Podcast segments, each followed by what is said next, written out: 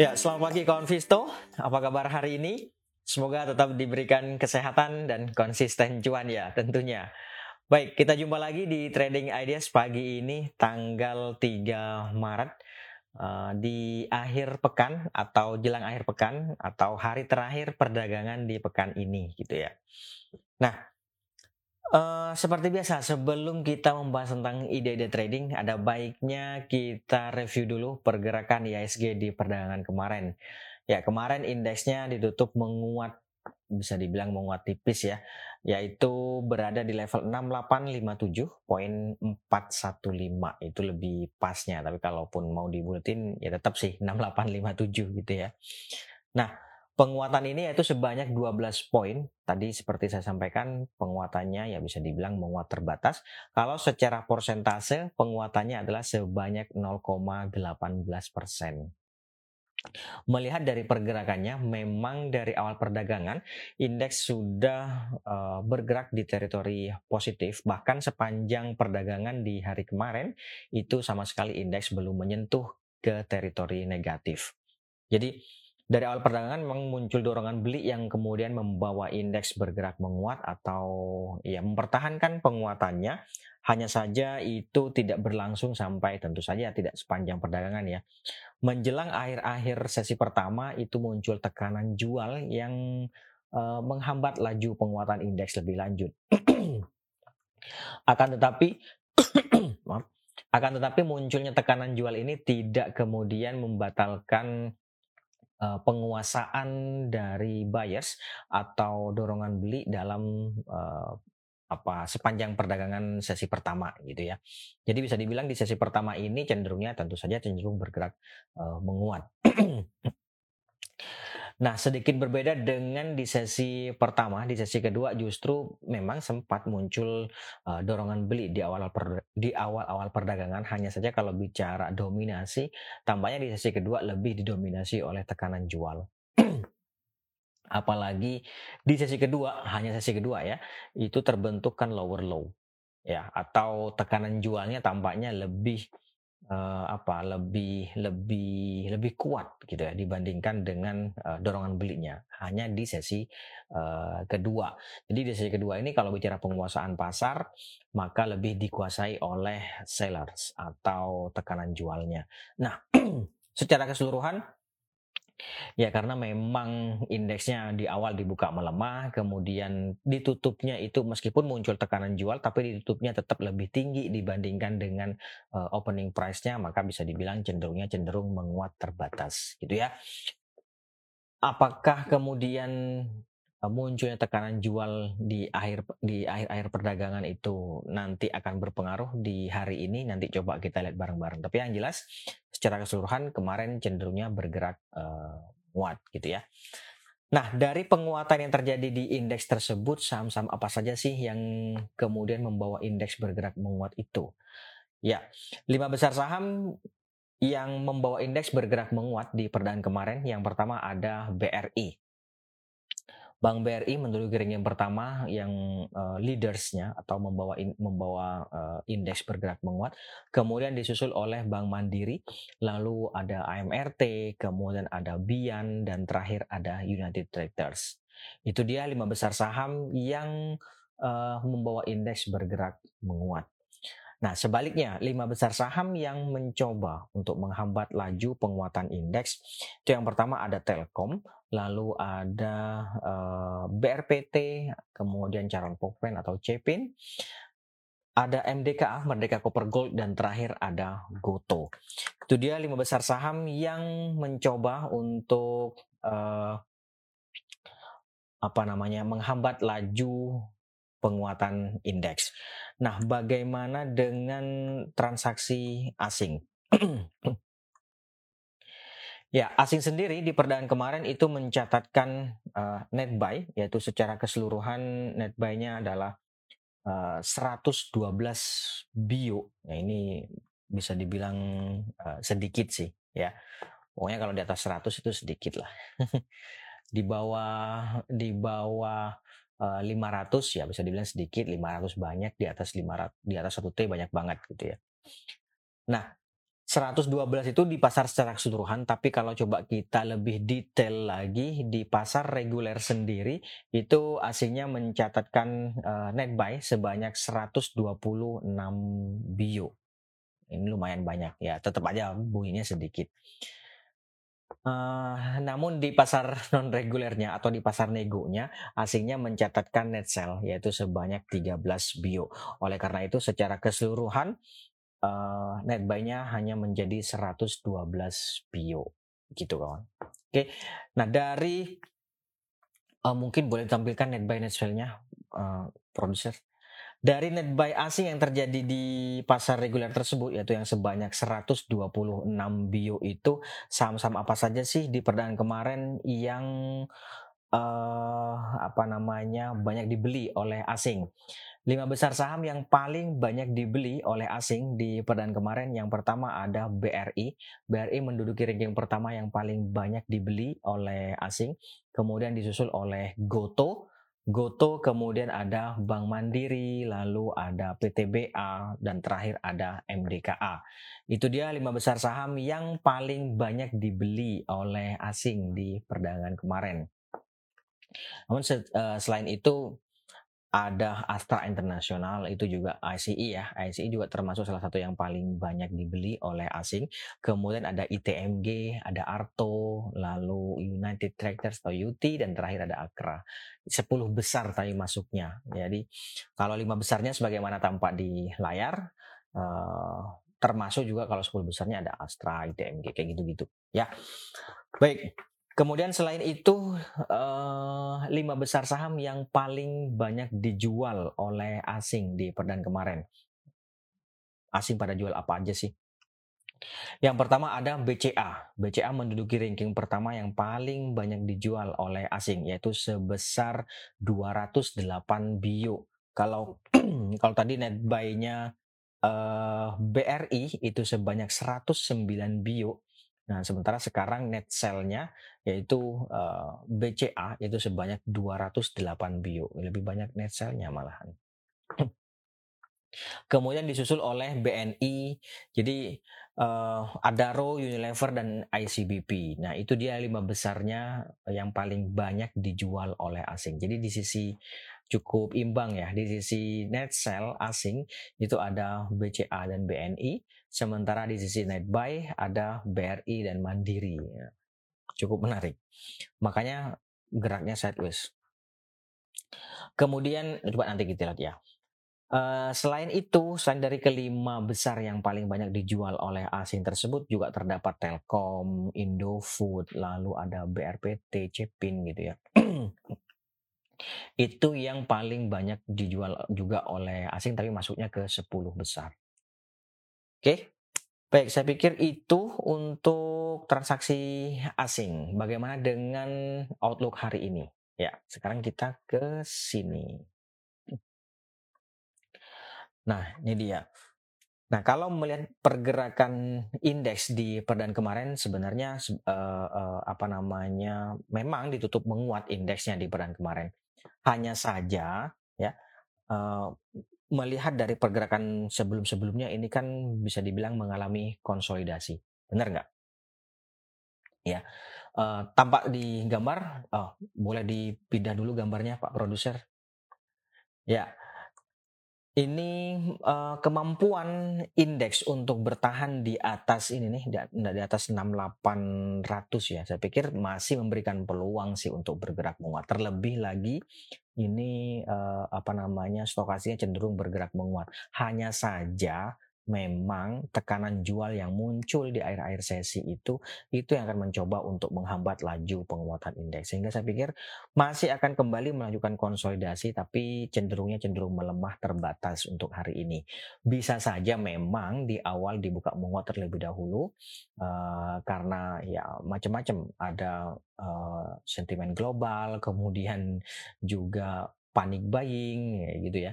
Tapi uh, ada potensi seiring dengan berjalannya waktu penguatannya semakin menipis, semakin menipis, semakin menipis kayak gitu. Bahkan tidak untuk kemungkinan untuk masuk ke teritori negatif, gitu ya.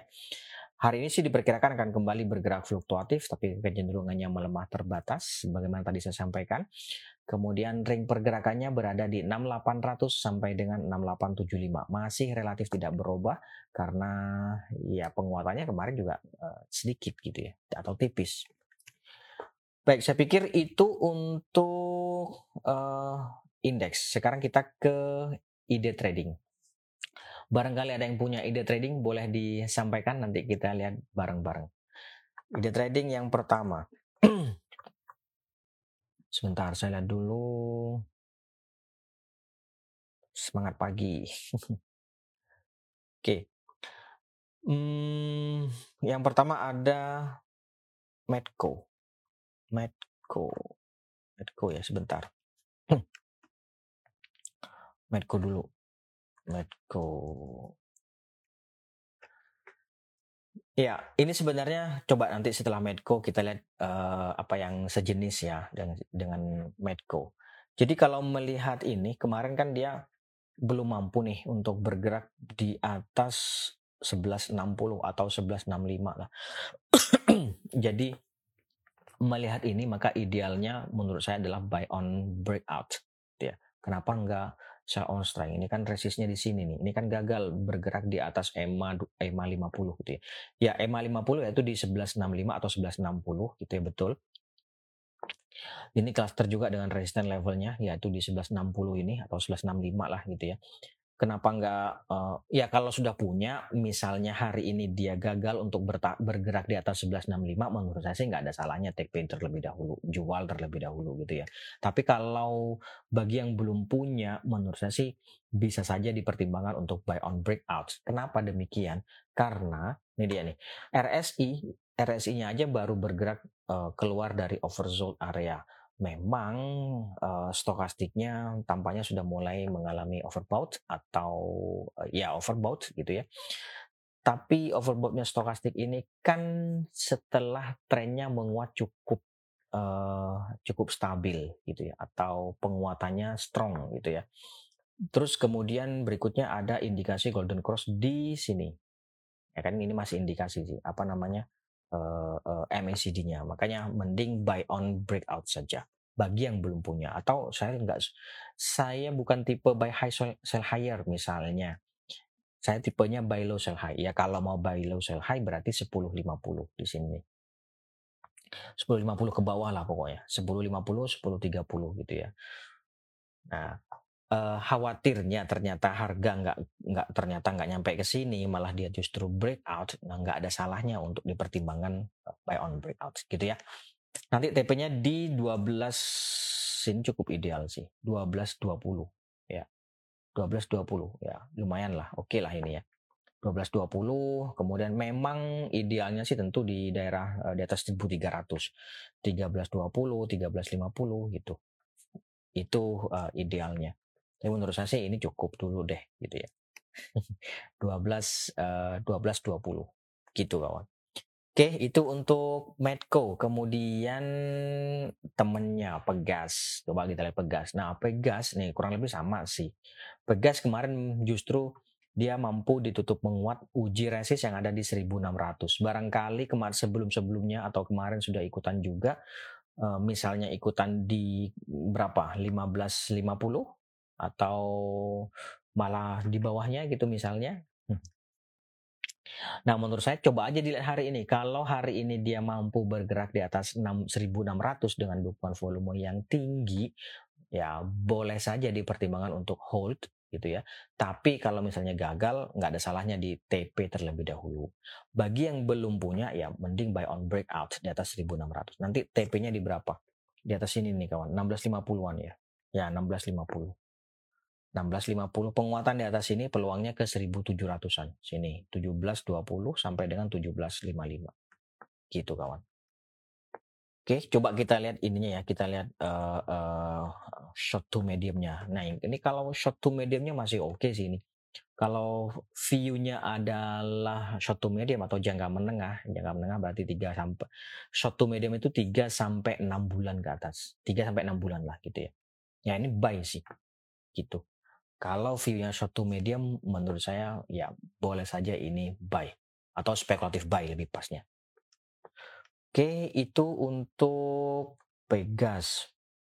Medco sudah, Pegas sudah. Satu lagi ini Agi ya yang sejenis ya. Coba kita lihat Agi. Nah, ya kurang lebih sama sih ya. Walaupun kalau tadi kan buy on breakout semua dua-duanya. Ya ini sebenarnya buy on breakout juga. Cuman ini lebih idealnya adalah buy on weakness di 2100-an gitu. 2100 ya 2050 sampai 2100 nah itu uh, idealnya sih di situ. Tapi kalau misalnya harga pun bergerak menguat sampai di atas 2250 menurut saya sih nggak ada salahnya juga untuk spekulatif buy atau trading buy gitu ya. Terdekat itu supportnya ada di support terdekat di 2140 kemudian di bawahnya ada 2100 2140, 2100 atau 2090 ya sampai 2050 gitu. Sementara resisten terdekatnya 2210 kemudian di atasnya 2260 gitu ya. Oke, itu untuk Adi. Kok Adi? Agi. Kemudian berikutnya ada Tower. Tower. Bentar ini tower. Tower nanti coba kita lihat tebiknya. Tower. Ya, kalau melihat ini, ini kemarin mampu YouTube menguat yang uh, penguatan yang terjadi di perdagangan kemarin ini praktis mengakhiri perlemahan yang terjadi selama lebih dari sepekan terakhir. Jadi menurut saya ini bisa saja dipertimbangkan untuk spekulatif buy. Spekulatif buy boleh di ya, berapa ini? 1010 Ya, 1010 sampai 1030 saya pikir bisa dipertimbangkan di level-level itu. Nanti TP-nya di berapa? Kalau dapat harga di 1010, menurut saya di 1050 udah boleh dipertimbangkan untuk uh, take profit. 1050 di atasnya ada 1070 1070 itu di sini kawan. Udah cukup ideal sih untuk TP di 1070 bener nggak? Nah bullish crossover atau setidaknya indikasi lah ya indikasi bullish crossover di stokastik ini saya pikir memberikan peluang untuk berlanjut uh, menguat gitu. Stop lossnya nanti kalau harga ternyata melemah sampai di bawah 990 atau di bawah 1000 ya di bawah 990 lah boleh dipertimbangkan untuk uh, stop loss. Oke itu untuk tower kemudian temennya tebik tebik dulu Oke, tebik dulu.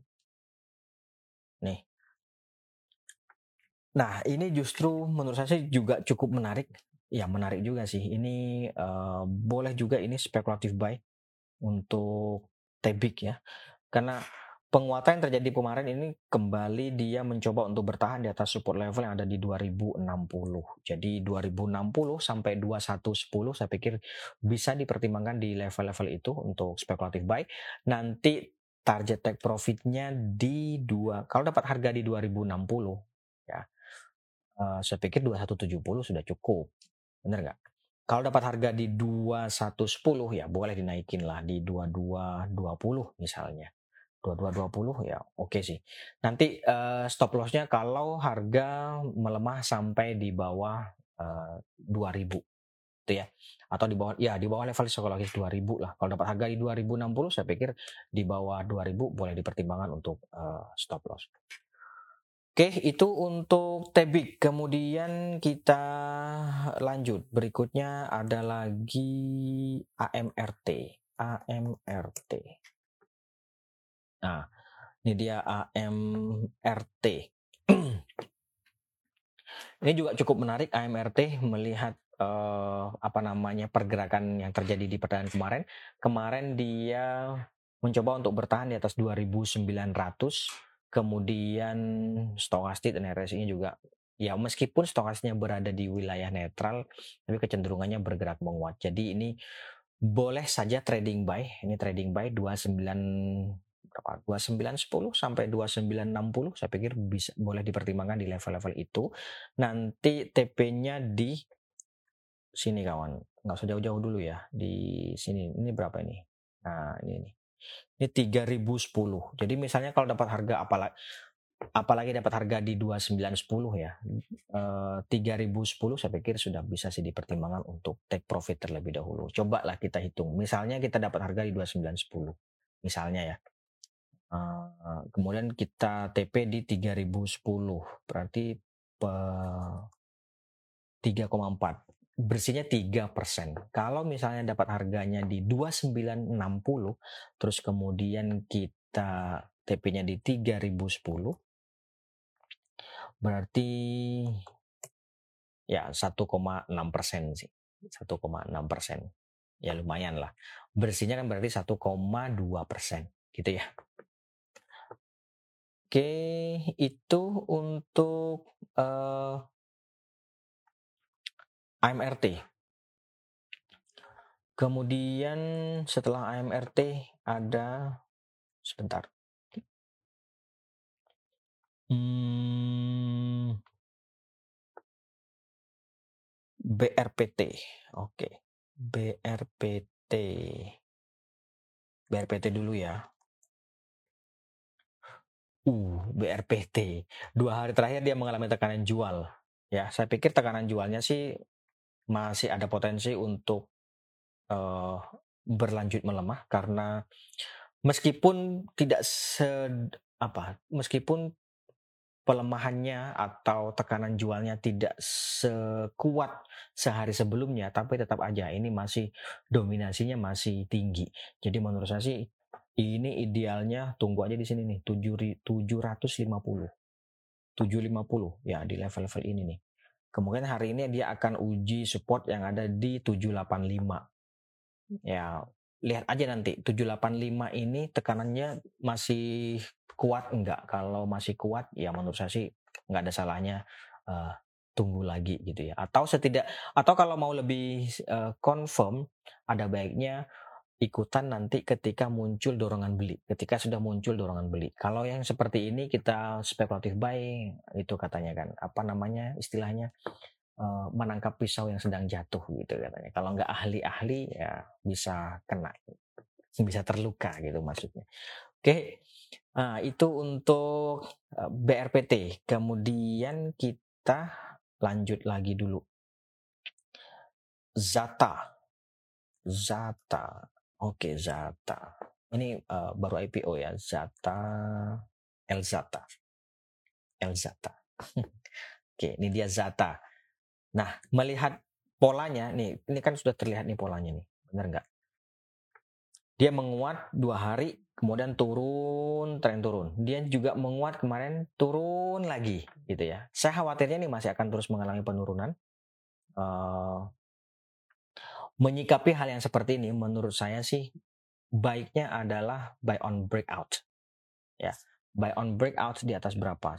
Setidaknya di atas 76 setidaknya ya di atas 76 gitu. Tapi kan kemarin 67, 6 kalau 67 ke 76 kan spreadnya lebar. Ya atau setidaknya di atas 73 deh.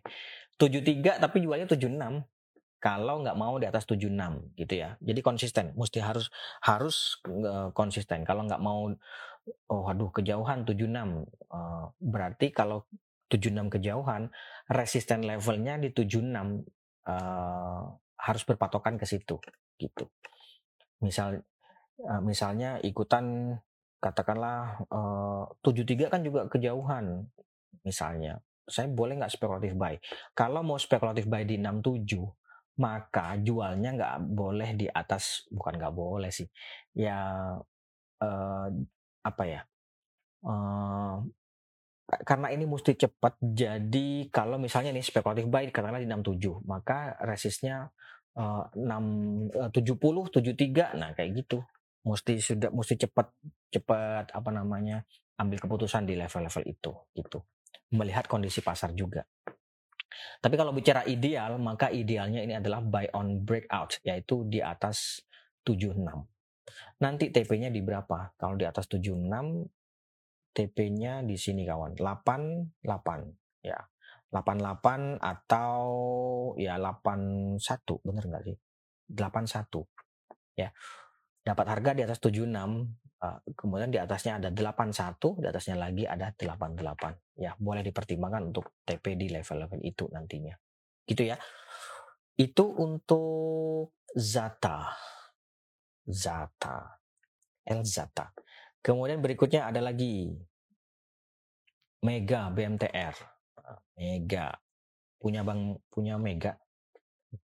Karena ini uh, kurang liquid sih saya. Jadi menurut saya ya kalau cuma mau main uh, saham ini kurang liquid. Jadi mau ambil banyak akan susah. Tapi kalau berminat ya ini kemungkinan sih akan ada potensi untuk uh, konsolidasi lagi, melanjutkan konsolidasi. Jadi ada baiknya hmm, pertama buy on breakout atau buy on weakness sekalian di sini. Nih. Ya. Kemarin kan uji resist nih, uji resist di 5825. Jadi penguatan di atas itu saya pikir akan ada peluang untuk ke 6000 bahkan sampai di atas 6 uh, eh, berapa ini sebentar. Ini nih, di sini kawan, ini berapa nih? 6100, 6000, 6100 kemudian 6375 ya di level-level itulah boleh dipertimbangkan. Tapi sekali lagi kalau bicara ideal ini tentu adalah buy on breakout atau ya sekalian aja buy on weakness gitu. Oke, itu untuk Mega. Kemudian BMTR. BMTR kurang lebih sama sih. Nih BMTR-nya. Ya. BMTR-nya dia mengalami konsolidasi, support terdekatnya di sini kawan. Saya naikin ini di sini. Ini berapa ini? 282. Ya betul, 280 lah.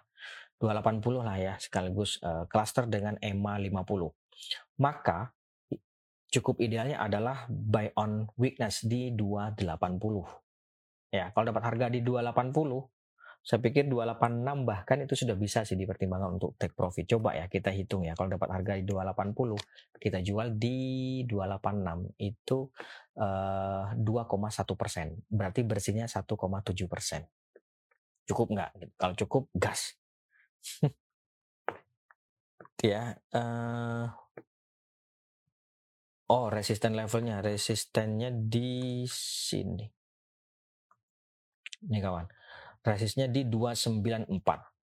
294 yang terdekat sih 290.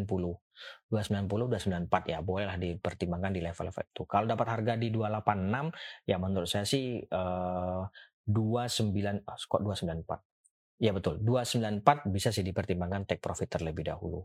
Dapat harga di 286 gitu ya. Sekali lagi idealnya ini adalah buy on weakness 280 sampai dengan 284 di level-level itu uh, oke okay sih boleh juga gitu. Oke, itu untuk uh, BMTR. Terakhir ya. Terakhir ada lagi Pegas. Pegas tadi sudah kawan.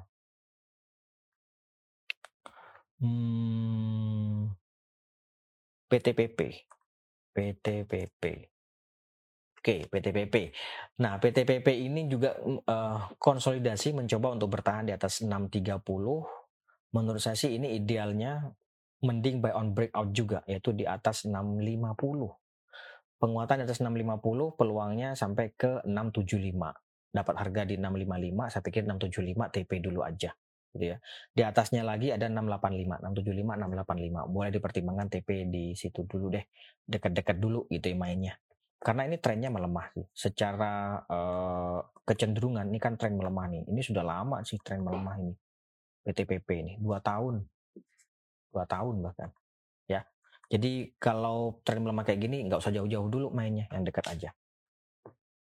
Baik, saya pikir itu dulu Konvisto untuk hari ini. Terima kasih atas kehadiran dan partisipasinya. Kita jumpa lagi di pekan depan. Mohon maaf jika ada salah kata. Tetap jaga kesehatan. Sekali lagi terima kasih. Selamat pagi. Salam investasiku for better tomorrow.